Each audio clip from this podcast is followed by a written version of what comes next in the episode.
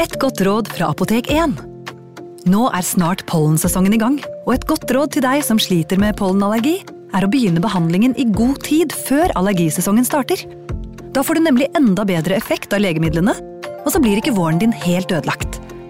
Kom innom og få råd på ditt nærmeste Apotek 1, eller chat med oss på apotek1.no. Apotek 1 vår kunnskap, din trygghet.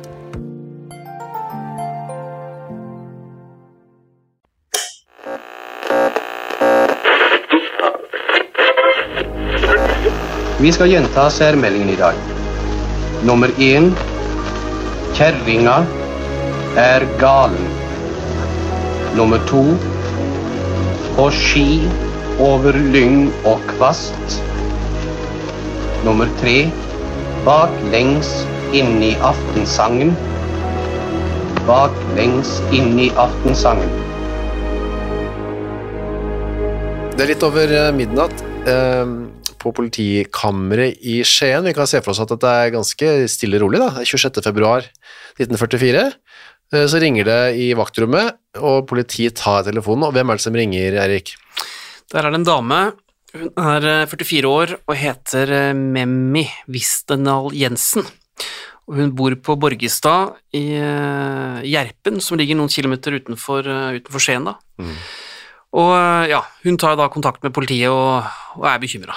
For mannen sin, Alfred Rikard Jensen, han er jo da såkalt hjelpekonstabel ved politikammeret. Han er ikke helt vanlig politi. Nei, han er en eh, Hva skal vi si, da? Altså, han er en sånn uh, Aspirantaktig. Ja, en aspirant er riktig. Altså en som er på et vis inne på en, på en slags prøveordning, men, Ja. men som da jobber i politiet og har politiuniform og gjør i for seg ordinære politioppgaver, men, men eh, som en form for en opplæring, da. Han uh, slutta klokka åtte og, um, på kvelden, og uh, hun har sittet og ventet på han siden, og nå klokka da over midnatt, og han har fremdeles ikke kommet hjem. Ja, det var jo fredag, fredagskveld, så, så Var det ikke lørdag? Nei, da, da pleide han å, å komme hjem, oh, ja. og um, han pleide å bruke omtrent en halvtimes tid fra, fra kammeret eh, på sykkelen sin til han eh, da, da skulle være hjemme. Og hun visste at han skulle gå av vakt klokka åtte på kvelden. Ja. Og som sagt, han pleide alltid å komme rett hjem.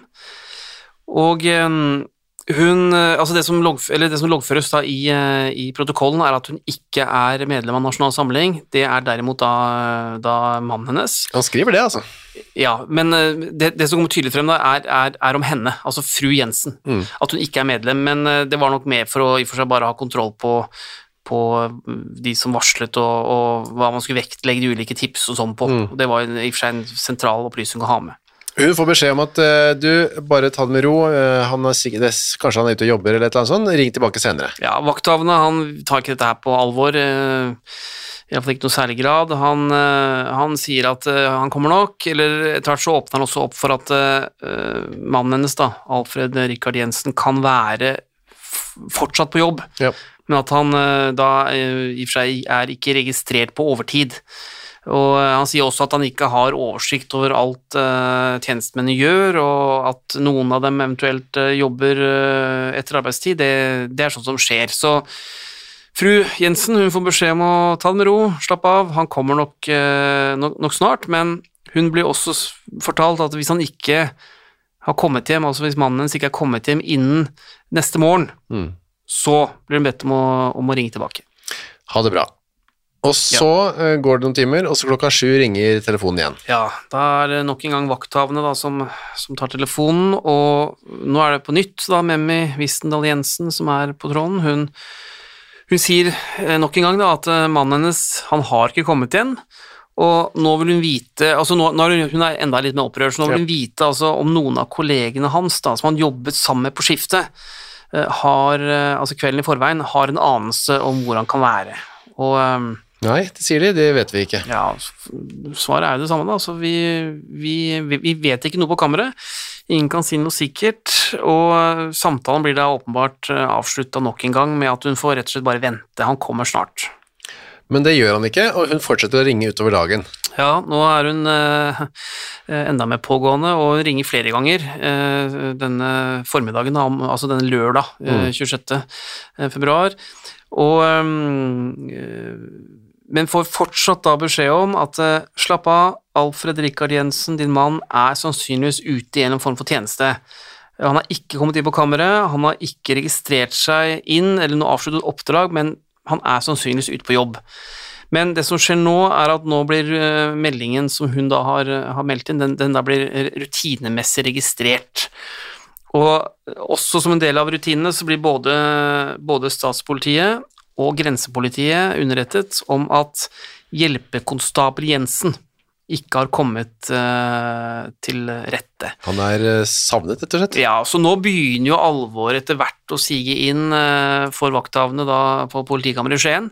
At det kan ha skjedd noe her, og man velger da altså å, å varsle statspolitiet og grensepolitiet. Og så går man litt nærmere, så tar man det på alvor, og så finner man ut at han hadde gått klokka 20, sånn som eh, kona hans sa. Ja, de ser jo litt nå i noen papirer og begynner å bla litt i rapporten og sånn, da ser du faktisk at uh, Jensen da som vanlig hadde gått ut av kammeret, altså politikammeret, klokka, klokka åtte. Mm. Og han hadde vært på jobb siden klokka tolv.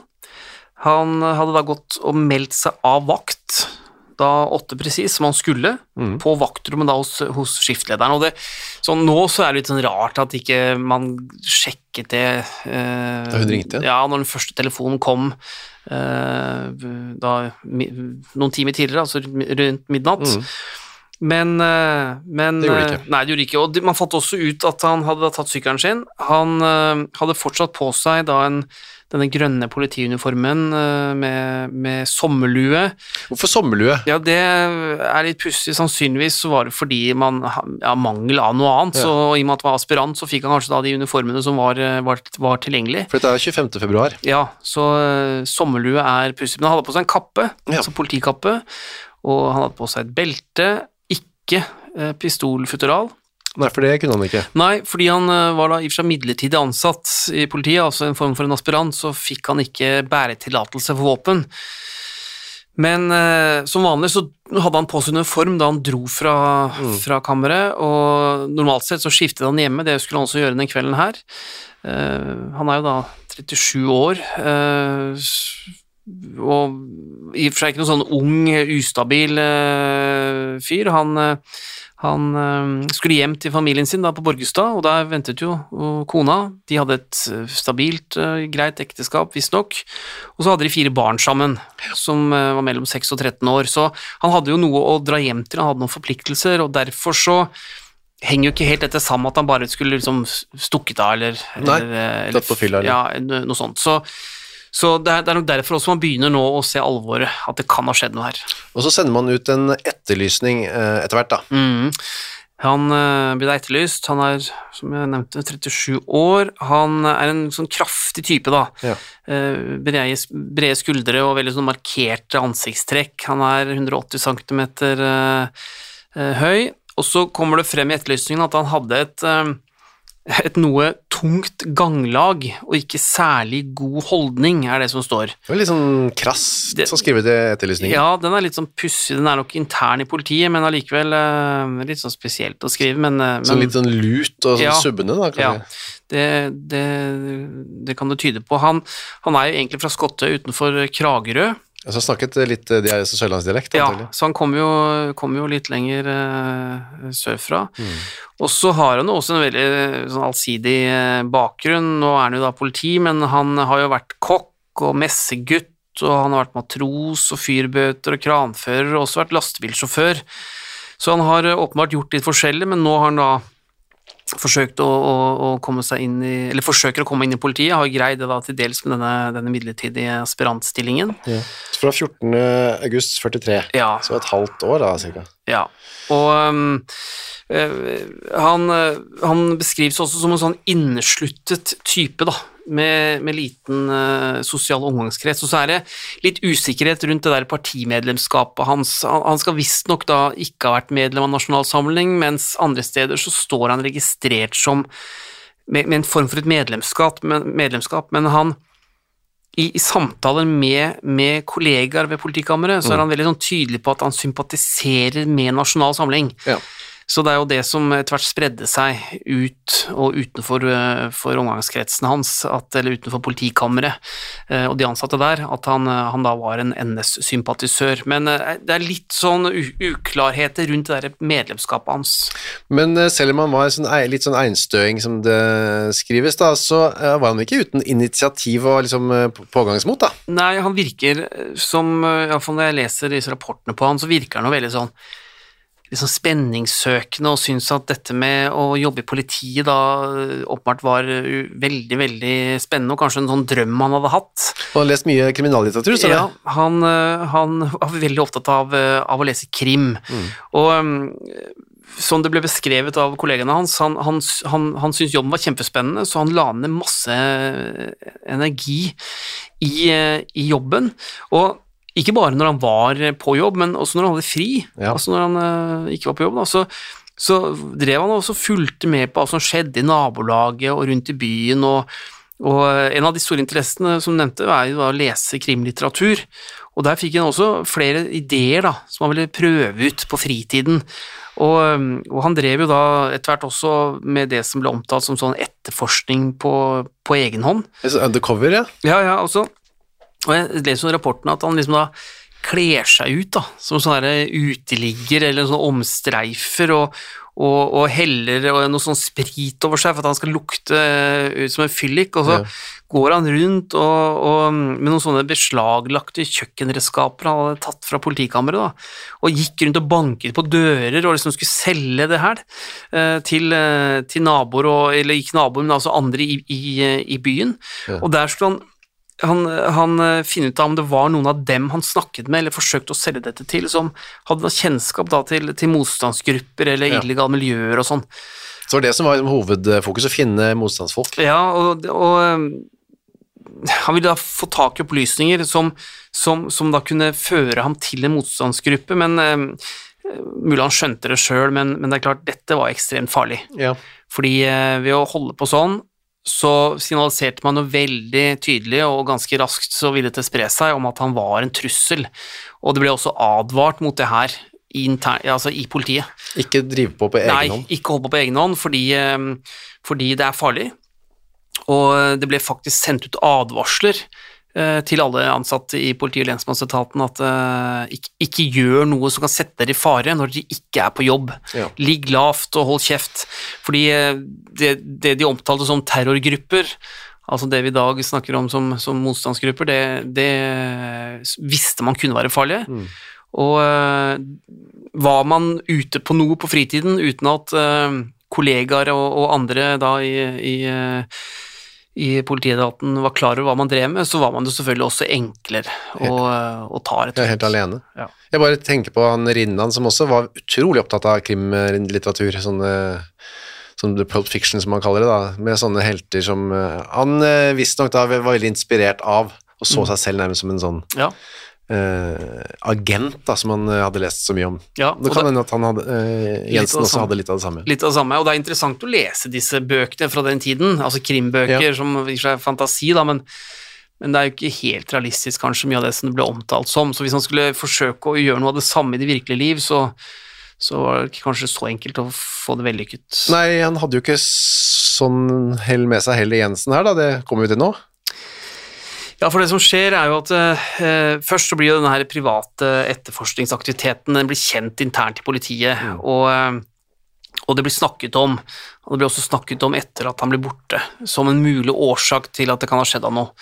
Men eh, det, er litt uklart i rapporten om, om det fikk noen konsekvenser for han, da, men det, det som skjer da denne, denne vinterkvelden, da, denne fredagen, eh, det er jo at han eh, da går ut, altså han, som vi snakket om, han melder seg ut av, eh, av tjeneste, forlater eh, kammeret klokka åtte presis, og så setter han seg opp på sykkelen sin og, og drar hjemover uh, som vanlig.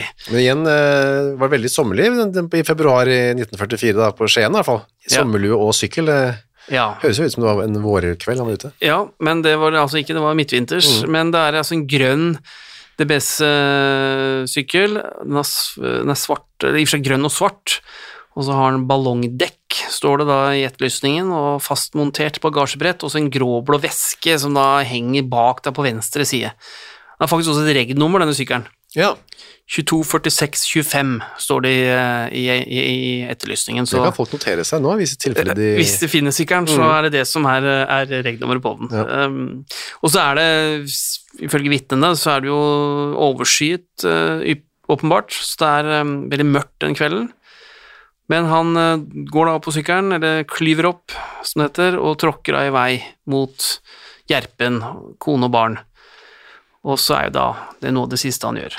Ja, det er det siste man eh, Ser ser av han, ja. til ham, ja. I hvert fall. Noe av det siste. Ja. Så da begynner man å lete. 28. februar. Ja, det blir satt i gang søk, og um, det, det er et stort område. Altså, det er jo en, det tar en halvtime å sykle, så det er jo, det er jo en, er en vei eh, altså, fra kammeret her opp til, opp til Borgestad, så er det jo, er jo et godt stykke, ja. Så, så, men det sendes jo ut eh, konstabler for å leite. De, eh, de, de søker, de går i gang da først med å undersøke gatene og, og bryggene langs sjøen, som Jensen da sannsynligvis hadde, hadde benytta på vei hjemover. Mm. De finner ingen spor som tyder på at det har skjedd noe, men det de legger merke til, er at det er, det er på bryggekanten der så er det flere steder hvor det er islagt. Og øh, det åpner jo selvfølgelig for en, øh, da en teori om at kanskje han har faktisk sklidd. øh, Kan ha slått hodet i fallet og gått ut i sjøen. Det, det er jo en, øh, mulighet. Ja. De finner også noe glass øh, like ved noe som heter et lager, en lagerbygning, noe som heter Skien eh, aksjemølle. Og som de sier, det kan komme fra en knust uh, sykkellykt, men etter hvert så viser det seg at det glasset der, det er da fra en, eh, fra en tomflaske som har blitt kasta ut der fra et, eh, fra et tysk lager som også ligger, ligger i nærheten, så, så det glasset det er et blindspor etter hvert da. Så begynner du å lure på hm, kanskje han kan ha stukket av på en eller annen måte, gått på en båt og rømt fra hele familien, jobben sin og alt. Ja, det er en av de teoriene som, eh, som man leter etter, at man faktisk da kan ha gått om bord på et, et fartøy, eh, stukket av, Mm. altså han har prøvd å rømme til utlandet, men samtidig så, så er det den familien da, disse barna han har hjemme, og, og etter hvert så blir det vurdert som, som i og for seg ikke så, eh, så sannsynlig. Eh, Men, men det, det utelukkes ikke, og i rapportene som skrives eh, i, det, altså i dagene etterpå, så, så, så blir det holdt opp altså som, en, som en Mulighet, mulighet, at han kan ha, kan ha gjort noe sånt. Altså, De, de, sier at hvis, han, hvis dere finner han, arrester han eller anholder ja, han. ja.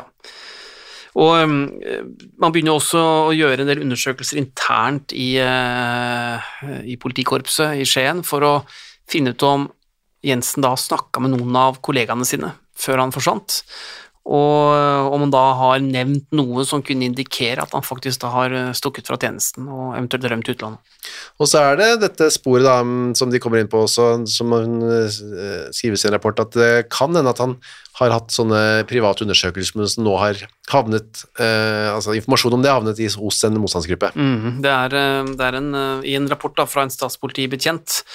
Per Karsten Frivik het han. Han var faktisk en av Milorgs eh, kontakter internt i, i statspolitiet, men, men han skriver jo da at uh, de opplysningene de har fra, fra Jensens kollegaer, indikerer at han, han kan ha drevet noen undersøkelser på egen hånd, kommet uh, i nærheten eller i berøring da med en illegal organisasjon som har gjennomskuet ham, står det. Ja.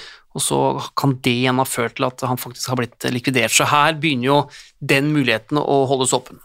Eller så kan det gjøre at han har vært blitt redd fra represalier, rømt til land, rømt landet, eller at han har bare syklet utenfor iskanten, eller eh, kaikanten og Ja. drukna. Det er den andre teorien som Frivik har i rapporten sin, og så den siste er da at han faktisk da har vært utsatt for en ulykke og, og tippa utfor kaikanten og drukna der. Men så, noen dager etterpå, kommer det en ny eh, rapport som kaster litt sånn et annet lys på dette, eller mer lys på den ene av disse tre da, Mm. teoriene. Og det, det er jo da Det kommer faktisk fra Oslo, hvor, eh, hvor statspolitiet der inne har, eh, har fanget opp signaler. Og det er da en av betjentene deres, en eh, Rosenlund het han, i og for seg en kollega av Frivik, vi snakket om i stad. Og Rosenlund skriver jo i en rapport der at han har fått opplysninger fra det tyske sikkerhetspolitiet i Oslo, som eh, sier at eh, de åpner da for muligheten, eller risikoen, eh, som de omtaler det som, for at Alfred Rikard Jensen har blitt, blitt likvidert. Og denne informasjonen vil man prøve å holde litt hemmelig også internt, så ikke det skal lekke ut. Men det tyske sikkerhetspolitiet mener da, med gode kilder, som det da omtales som, om at eh, Jensen har, eh, har blitt tatt av en eh, såkalt terroristgruppe som da hadde tilhold i Oslo, men utført denne likvidasjonen da i Skien. Samme gruppen, mente de, som hadde drept Elsa Christoffersen, som vi husker, på Nesøya. Eh, ikke så lenge før, da. Mm. Um, og det stemte, eller hva? Ja, det, det viste seg å være riktig. Eh, Det var blitt bestemt eh, at eh, Alfred Rikard Jensen skulle likvideres, Så den avgjørelsen, altså den, den, den beslutningen, ble tatt av eh, Milorgs distriktsledelse. Eh, Altså da i Skien, eh, som da hadde kommet frem til den beslutningen om at eh, Jensen måtte, måtte tas av dage. Det var etter et innbrudd hvor de fant papirer som liksom bekreftet at han var en angiver, da. Ja, de hadde gjort eh, et innbrudd i eh, det såkalte Hirdhuset eh, midt i Skien eh, sentrum. Det, eh, altså Hirdhuset het det da, eller ble omtalt som da, men, men dette var eh, kulturhusfestiviteten Ja. i, eh, i Skien sentrum. Men med Hirden brukte det som sitt eh, hovedkvarter.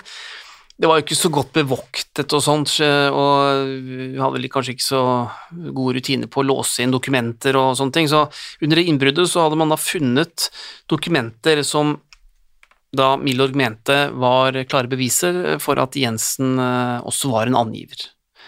Og eh, det det ble også eh, funnet en anbefaling fra en av Nasjonal Samlings eh, fylkesførere, altså i, eh, i, i området, eh, som da handlet om Alfred Rikard Jensen, og i disse dokumentene så sto det da at eh, Jensen hadde lovet å, å skaffe det tyske sikkerhetspolitiet, og i og for seg også justisminister Sverre Risnes, opplysninger om motstandsmiljøet i, eh, i området.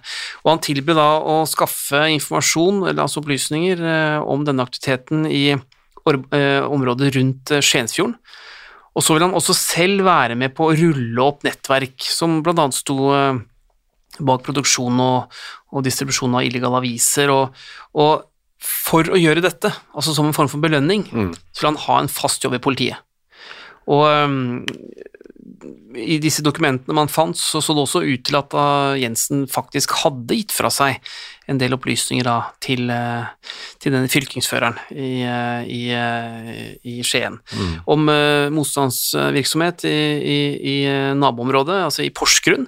Og han fortalte også om konkrete personer i disse rapportene som hadde ulovlige radio, radioapparater, og at dette igjen skulle ha ført til arrestasjoner. Så, så fra å være en litt sånn pussig, rar person som drev og etterforsket litt på egen hånd og sånn, så ble, iallfall ifølge disse dokumentene, så ble, ble det plutselig slik at Jensen da ble sett på som en, en mulig farlig angiver. Han ble også hengt ut som det i en eh, illegal avis da, i, på høsten eh, 43. Ja, og eh, det stemmer. Og eh, der skulle også Jensen ha fortalt at han jobbet for okkupasjonsregimet som angiver eh, til noen han kjente. Og um, i den samtalen som han hadde hatt da med noen bekjente, så fortalte han at han var bekymret for at angiveriene hans, altså hans funksjon og rolle nå, var blitt kjent i motstandsmiljøet. Han, han var også tydelig på at det kunne få konsekvenser for ham. Så um, summen av dette her um, eh, tyder jo på at eh, han skjønte hva han hadde vært involvert i, og at han også ante at det, at det kunne komme noen konsekvenser. Og det gjorde det. Det var jo da vår eh, unge kjenning. Ja, Johan Edvard Tallaksen, som da får nok en gang et eh, likvidasjonsoppdrag som vi hørte om i forrige episode. Det er jo nesten en måned bare etter eh, sist gang hvor han drepte mm, Løvdokk i Drammen. Ja, Da får han ny oppgave, drep uh, Alfred Rikard Jensen i Skien. Ja, og det, det gjør de ett forsøk på i, i eh, februar 1944, men dette mislykkes de med, eh, Tallaksen da, og hjelperne hans, og så blir det bestemt at de skal forsøke igjen, og da peker man jo da på en ny dato, en ny mulighet, og det er da fredag eh, 25. februar, og den dagen kommer også Tallaksen tilbake til Skien eh, fra Oslo. Ja, og da har han med seg noen medhjelpere også. Ja, da, han har med seg en Trygve Halvorsen, som er sjåfør, og så har de med seg en tredje person, Hans Helmer Ager Ryen. Han er eh, i og for seg også en ung, ung mann, 26 år, og, eh, og kom fra Oslo. Og Ryen han tilhørte jo en, eh, en spesialenhet som ble kalt Spesialgruppen X. Og det var en sånn spesialenhet som var underlagt eh, Milorgs eh, sentrale ledelse og etablert etablerte Oslo, og skulle ha en form for ja, skulle utføre de spesielt krevende oppdragene, og blant annet bistå da ved, ved likvidasjoner. Spesialgruppen X, jeg tror det var flere enn Jensen som hadde lest sånne sånne kriminalhefter eller Ja, det var, var kreativ med navnet. Ja, litt sånn agentaktig. Så da, hva er planen da?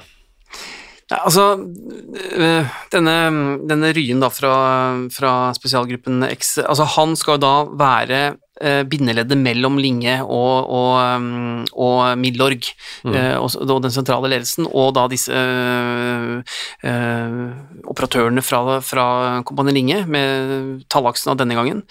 Og de, ble, de, bestemmer seg for at aksjonen skal skje om kvelden, det er da det er eh, enklest å likvidere en person uten å bli oppdaget. Fordi det er mørkt, rett og slett? Absolutt. Og mm, de skal da slå til når Jensen er på vei hjem fra jobb. Så idet Alfred Rikard Jensen setter seg på sykkelen den kvelden, så skal de, eh, de ta ham, og de hadde observert ham tidligere, og var da klar over, eller mente selv, at eh, Alfred Rikard Jensen han syklet i vei, på vei fra jobb og ville hjem, og var da ofte uoppmerksom på farer, er det som, eh, er det som står. Ja, så selv om han var eh, oppmerksom på at det var fare på ferde foran, så var han ikke så livredd da, Tydeligvis. Nei, han følte seg tydeligvis trygg da, på vei hjem fra jobb, og um, de har spannet på ham en god stund. Han har åpenbart en fast rute på vei hjem, så de visste ganske nøyaktig når og hvor han kommer til å være på, på ruta si til de aktuelle tidspunktene, og står da, står da klare når han, eh, han, eh, han kommer på vei eh, hjemover. Da er det Tallaksen og denne Ryen, Ager Ryen som står og venter, og så har de plassert en eh, lokal type litt lenger fram, Mm. som skal først identifisere at det er riktig person som kommer syklende. Ja, det er, en sånn, det er en lokal motstandsmann, litt uklart hvem det er, dukket opp eh, i flere alternativer, men det, det er i og for seg ikke så viktig. Det, det, det de har avtalt med denne lokale hjelperen, er at han skal blinke litt med lommelykt. Når det er som bekrefter at det er den riktige mannen. Ja, og denne lokale medhjelperen kjente jo også da tydeligvis godt til Jen, Jensen. Så, så snart han ser at Jensen kommer syklende, så, så blinker han da med, med lykta, og det er da signalet til Tallaksen og Ryen om at eh, nå er målet deres på vei, og, og like i nærheten. Så han, eh, det oppfatter ikke Jensen da, at det står en mann og blinker med en lommelykt. Nei, og det kan nok ha noe på vinkelen, det kan også i og for seg ha skjedd idet eh, han passerte, eller at det skjer når han har eh, denne eh, medhjelperen med lykten bak seg. Det, han, han oppdager iallfall ingenting, fordi det som står i rapporten er at alt går som planlagt. Dette er Tallaksen som skriver rapporten, ikke sant? Ja, det er Tallaksen som skriver eh, rapporten, og idet det blinkes med, med lykten, så fortsetter da polititjenestemann Jensen sykkelturen sin, nærmer seg da Tallaksen og Ryen. Og mm, som eh, Tallaksen skriver, og som han også oppfatter av situasjonen, så, så legger ikke Jensen merke til noe, noe lysglimt, og han fortsetter da å, å tilsynelatende være lite på vakt. Og så, idet han kommer nærme nok, og det er ikke mørkere enn at eh, Tallaksen da ser nøyaktig hvor han er, så tar eh, Tallaksen frem sin eh, pistol. Det er, en, eh, det er et eh, skytevåpen da med, med en, en lyddemper, og han avfyrer fire skudd mot, eh, mot Jensen, som blir truffet, og, eh, og han faller av sykkelen og blir liggende på bakken. Ja, han eh, er ikke død. Nei, han er ikke det. Og de går bort til ham, og det som det står i rapporten, er at øh, Jensen ynker seg litt. Altså han lager noen, noen lyder, uh, men, men er fortsatt i live. Og så, ifølge rapporten, så tar Hans Helmer Ageryen og klabber til ham i hodet. Ja, det er et sånt språk de brukte på den tiden. Ja, det, det er det. Og det, det er i og for seg uklart hva det innebærer, men, eh, men, men man kan i hvert fall tolke det i dag som om eh, Jensen blir slått med et eller annet. Klabber til, ja, det er så. Ja, så Men, men det står ikke noe med hva, om det er knyttneve eller en gjenstand eller hva som helst. Men eh, Men han dør i hvert fall. han dør ganske snart, eh, om det er av skuddskadene eller et slag eller hva, det, det, det står ikke noe om. Men det får man aldri vite heller. Nei, eh, det får man aldri vite. Så det kunne vært en stein, eh, treklubbe, eller rett og slett eh, at han døde da av, av eh, Skuddene. skuddene. Så da tar man med seg Jensen, som nå er død, inn i denne bilen de har. Ja, de tar med seg da liket av eh, Alfred Rikard Jensen i bilen, og når de har fått ham på plass der, så kler de av ham uniformen. De tømmer lommene for i og for seg alt han måtte ha av eh, identifikasjonspapirer og dokumenter og alt sånt. Og så kjører de et stykke, og så stanser de da ved en elv, Numedalslågen, og der så kaster de altså da kroppen, eh, den nakne kroppen ut i elva, og så eh, ser de at eh, at den kroppen forsvinner, Forsvinner. i vannet, rett og slett. Og ifølge Tallaksens rapport så var dette altså en, et vellykket oppdrag, da. Det Ja. gikk som det skulle, rett og slett. Ja, det gikk som det skulle. Liket av Jensen ble aldri funnet. Ikke sykkelen heller, eller hvordan? Det ble kanskje liggende en der hvor den lå, den. Det står det ikke noe om her. Nei, det står i og for seg ikke noe om i rapportene heller, hva som skjedde med denne sykkelen. Um, men um, eh, det som vi, eh, vi vet, er at uh, liket eh, fortsatt har i og for seg status da, som, eh, Savnet, ja. som, som savnet. Så han er fremdeles eh, formelt savnet, han. Ja, og så er det litt ulike historier rundt det som skjer. Altså, det, det, har vært altså, Som skjedde under selve likvidasjonen. Altså, det har vært eh, lokale motstandsfolk som har, eh, har hatt en litt annen versjon om at eh, eh, der ble Jensen skutt, men, men først etter, etter å ha blitt kidnappet, etter å ha vært og handlet noen matvarer, og så, så ble sykkelen satt igjen på et fjell. Eh, og at liket ikke ble kastet ut i, ut i Numedalslågen, men eh, havnet i en bekk. Som renner ut i loggene. ja. Så, så det er litt, eh, det er litt eh, forskjellige versjoner, men det som ble sagt av denne, denne lokale motstandsmannen, Mm. Trym Ståhl Eggen, han eh, beskrev dette her i, i 1989, og da sa han at Jensen muligens ligger og svømmer i lågen fortsatt. Så det er, en, det, er en, altså, det er en litt annen versjon, men det som er sikkert, er at um, Alfred Rikard Jensen han ble likvidert. Og eh, det var en vellykket likvidasjon. Um, ja, Og at han ikke er kommet tilbake. at han ikke har kommet tilbake. Det er vi sikre på. Det er vi sikre på. Det var eh, det. Det var det. Um, fra Lågens uh, kalde mørke til uh, Ja, vi skal over Ja, det er ikke noe lystigere neste gang heller. Nei da, det er nok en likvidasjon. Denne gangen eh, av en som uh, først valgte å jobbe for motstandsbevegelsen. Det vender vi tilbake til, og høres om en uke.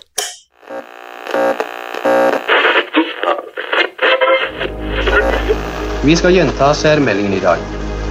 Nummer én Kjerringa er galen. Nummer to På ski over lyng og kvast. Nummer tre Baklengs inn i aftensangen. Baklengs inn i aftensangen.